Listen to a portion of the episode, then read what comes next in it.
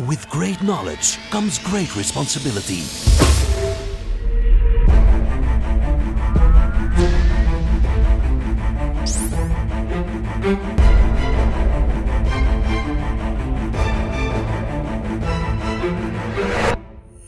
Fifty-two topics by Maarten Bové and Kevin Couvreur. Hallo en welkom voor een nieuwe 52 Topics. Maarten, vandaag hebben we het eigenlijk een beetje over een niet zo technisch IT-onderwerp. Het ligt zo'n beetje tussen van alles. We hebben het namelijk, of we gaan het hebben, over ISO 27001. Maar we gaan het er niet alleen over hebben. We hebben een... We hebben een expert ingeroepen. Hè. Eh, ja, we kunnen er natuurlijk van alles over vertellen. Ja, dat is waar. Maar we dachten dat iemand anders dat nog beter zou Ja. kunnen dan wij. Zeker en vast. We hebben eh, ja, Stijn uitgenodigd van eh, de firma Spinai. Eh, welkom Stijn eh, in de studio en bij 52 Topics. Laten we eens beginnen, Stijn. Kun je eens kort even voorstellen wie jij bent en wat jullie doen? Ja, zeker. Ehm, mijn naam is Stijn. Ik ben een van de medeoprichters van eh Spinai, samen met mijn eh genoot Matthias. En ehm, met Spinai helpen wij bedrijven in hun zoektocht naar betere cybersecurity. En dat doen we zowel binnen OT-security, dus in een industriële context, als in IT-security.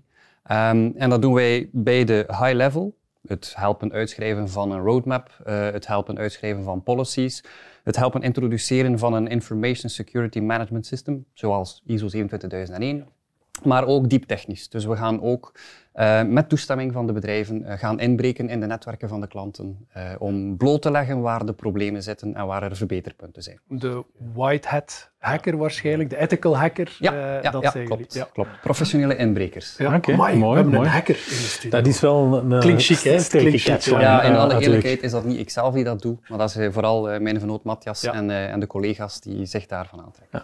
Ja, ik, ik denk eh, dat het soms spannender lijkt door, door Ja. de films en zo. Eh, Denk maar het, eh, denk het. Ja, maar het is echt wel spannend en leuk. Echt, ja, ja. ja, Oké, absoluut. mooi. Ehm, ja, security is een hot topic, hè, Maarten. We hebben het er al Absoluut. veel over gehad hè, Ja, binnen absoluut. 52 Eh, Topics. een hele belangrijke. Ik denk ook, ah als je kijkt naar de markt, horen we er elke dag bijna hè, met om onze oren geslagen. Nu, het topic van een dag, hè, ISO 27001. Ja, wat is dat nu eigenlijk?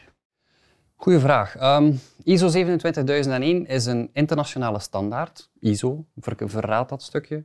Ehm, en die beschrijft eigenlijk hoe je als bedrijf moet georganiseerd zijn om goed met informatiebeveiliging om te gaan. Dus het is eigenlijk een set van, van spelregels, niet exact van eh, wat je moet doen. Eh, bijvoorbeeld, je wachtwoord moet zo lang zijn, zo lang geldig. Dat staat niet exact in ISO 27001, maar het zijn eigenlijk ehm, ja, eh, eisen eh, waar je als bedrijf moet aan voldoen, hoe je moet georganiseerd zijn om ehm, de confidentialiteit, integriteit en beschikbaarheid van informatie zo hoog mogelijk en zo goed mogelijk te doen. Dus als ik het goed begrijp, het zijn een set spelregels, als het ware, die naar voren worden geschoven en waar je als bedrijf invulling aan geeft. Binnen je eigen context, binnen eigenlijk ook je eigen eisen. Je kan daar volgens mij heel ver in gaan. Je kan daar ook... allee, Ja, klopt. Klopt, dat is een zeer goede toevoeging. Eh, het komt er inderdaad op neer dat alles in lijn moet liggen met de risico's. En een van de eerste zaken, als je van plan bent om te starten met ISO 27001, is het uitvoeren van een risicoanalyse. Want al wat je doet, moet in lijn liggen met de risico's voor jouw bedrijf. Ja. En daar is een standaard aanpak niet mogelijk, dus dat moet ja, op maat die risicoanalyse eh, uitgevoerd worden. En als je dan spreekt over die risico's, zijn die risico's ook een stuk voorgedefinieerd of bepaal je dat ook zelf, die risico's? Die risico's bepaal je eigenlijk zelf, want elk bedrijf is uniek. Eh, elk bedrijf heeft een eigen context waarin dat ze opereren. En dus zijn het andere risico's. Een ziekenhuis bijvoorbeeld moet helemaal anders omgaan met informatie dan een broodjeszaak die een klantenkaart wil uitreiken. Dus het is echt wel maatwerk. Ja. Eh, hè, voor elk bedrijf is het eigenlijk anders, afhankelijk van de processen. Ja, klopt. En eigenlijk is dat ook goed, want dat wil ook zeggen dat de inspanning die je dan levert om je information security op te krikken, dat die ook volledig op maat en in lijn ligt met jouw behoeftes. Want als het een standaard aanpak zou zijn, is de kans groot dat je dingen doet die eigenlijk niet nodig zijn. Ehm, mijn vraag, ook nog een beetje om specifieker te gaan. Het gaat niet zozeer over security tools. Hè. Daar, daar gaat het zeker niet over. Nee, hè. Dus nee. eh, ze geven daar ook geen verwijzing van wat je moet gebruiken. Dat is allemaal dan ook weer dat vrij in te vullen. Hè. Het type endpoint protection, het type firewall bij manier van spreken. hè, nee. Dat is... Allee, Klopt, daar staan geen namen, geen merken. Ehm, er staan ook niet echt technologieën in. Wat dat er bijvoorbeeld wel in staat is, je hebt een anti-malware oplossing nodig. En eh, dan is het ook weer in lijn met je eigen risico's. Hoe ver gaan we daarin? Gaan we daar een standaard oplossing in eh, kiezen? Gaan we daar een, een ja, zeer geavanceerde oplossing in kiezen? Een EDR-oplossing? Ehm, dat is dan in, ja, de keuze die je maakt in lijn met je eigen risico's. Ja. Ehm, dat is, ja, ik vind, ik vind het altijd nog een moeilijk in de discussie van het is een stukje zelf bepalen. Hè. Je hebt wel je framework, je hebt je kader daarin. Ehm, ik ga ervan uit dat daar bijvoorbeeld 25 of 20 of weet ik veel hè, stukken onder staan of thema's in staan binnen dat verhaal. Moet je ze ook allemaal doen? Dat hangt ervan af. Ehm, om een ISO 27001 certificaat te bekomen, heb je ook wat ze noemen de Statement of Applicability. En dat is eigenlijk een oplijsting van alle controls waar dat jouw bedrijf moet aan voldoen, ehm, die dus ergens eh, te maken hebben met bepaalde risico's die je hebt geïdentificeerd. En eh, als je goede reden hebt om bepaalde controls niet in te voeren, dan is dat zo. Mijn ervaring leert dat zo goed als elk bedrijf die wij al hebben begeleid, eigenlijk aan alle controls moeten voldoen. Maar in theorie kan het. Ja, ja. Maar als je een exception hebt, dan moet je dat ook gewoon goed beschrijven. Klopt, eh, het moet waarom. proper gedocumenteerd staan waarom dat niet van toepassing is. Eh, er is bijvoorbeeld een stuk over software development.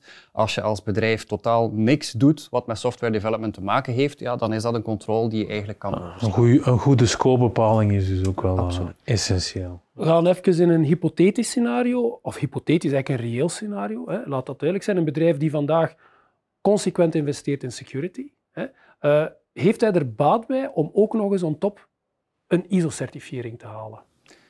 Dat denk ik wel. Ehm, de hoofdvoorwaarde is denk ik wel dat dat bedrijf dat wil doen, niet omwille van eh, het hebben van een papiertje, maar eigenlijk uit overtuiging om beter te worden. Want eh, een van de voordelen aan, aan eh, werken met een framework zoals ISO 27001 is dat je de zaak in de breedte gaat bekijken. Als je als bedrijf, jouw voorbeeld, eh, al zeer rigoureus te werk gaat qua security, dan kan het bijvoorbeeld zijn dat dat vooral technologie is waarmee dat je werkt. Bepaalde technologische oplossingen, dat je gezegd hebt, ja, ik wil eh, eh, topmodel van dit en topmodel van dat, Ehm, maar dat je onbewust aan bepaalde aspecten vergeet. Werk je met een framework als ISO 27001, dan ga je eigenlijk in de breedte te werk. Je gaat ook over mensen, eh, over kennis van mensen gaan nadenken, over processen in je bedrijf en over technologie. Ja, dus het is echt een ondersteuning. Hè. Als ik het ook goed begrijp, het is geen moment-in-time verhaal. Hè. Het is ook wel de bedoeling dat dat blijft evolueren, dat je daar blijft aan werken ook. Ja, klopt. Eh, in feite zijn het eisen voor een Information Security Management System, een ISMS. En eh, dat ISMS dat be- beslaat eh, processen, procedures, mensen, opleiding voor mensen en ook een stuk technologie uiteraard. Ehm, en het is iets wat dat continu moet verder evolueren. Een van de basiszaken ook aan ISO 27001 is dat je continu moet bijleren. Ehm, misschien al gehoord van de Deming Circle, Plan, Do, Check, Act. Dat is een van de basisprincipes ook binnen ISO 27001. Ehm, je, je bent van plan om iets te doen. Je gaat dan eh, dat gaan uitvoeren. Eh, dan ga je controleren of het effectief het doel bereikt wat je van plan was. En dan ga je daarop reageren om het beter te maken. Als er zich een incident voordoet, dan ga je enerzijds dat incident oplossen, maar anderzijds ook telkens een leermoment nemen daaruit om te verhinderen dat het in de toekomst nog eh voorkomt. Nu, als we in de praktijk gaan kijken, hè, je hebt inderdaad een moment tot aan certifiering en daarna blijft het iets heel dynamisch waar je moet in blijven investeren. Ehm, en ik weet, er is geen typisch bedrijf, hè. elk bedrijf is uniek. Hoe lang duurt zo'n certificeringstraject eigenlijk? Ehm, hoe lang duurt zo'n certificeringstraject? Dat hangt er eigenlijk vanaf van de maturiteit van het bedrijf in kwestie. Ehm, een bedrijf dat al heel veel doet, maar waar dat de zaken misschien nog niet voldoende op papier gezet zijn of in procedures en processen gegoten is, dan kan dat ook afhankelijk van de grootte van dat bedrijf. Maar we hebben al trajecten gedaan van pakweg zes maanden. Eh, er zijn ook trajecten van meer dan een jaar. Ehm, eh, we zijn nu recent gestart eh, met een traject van een bedrijf dat in het verleden al een grote inspanning gedaan had, het een beetje stilgelegd heeft en nu de draad weer wil oppikken. Daar veronderstellen we dat het binnen een periode van drie maanden zou moeten haalbaar zijn. Maar heel belangrijk om te vermelden is Dat certificaat dat is geen eindpunt, dat is het startpunt. Het is pas daar dat het eigenlijk echt... Je hebt daar een ISMS dat voldoet aan de spelregels, maar vanaf dan moet je dat ISMS gebruiken en onderhouden. Het moet embedded zijn in de organisatie, dus het is geen eindpunt, het is een startpunt. Ja.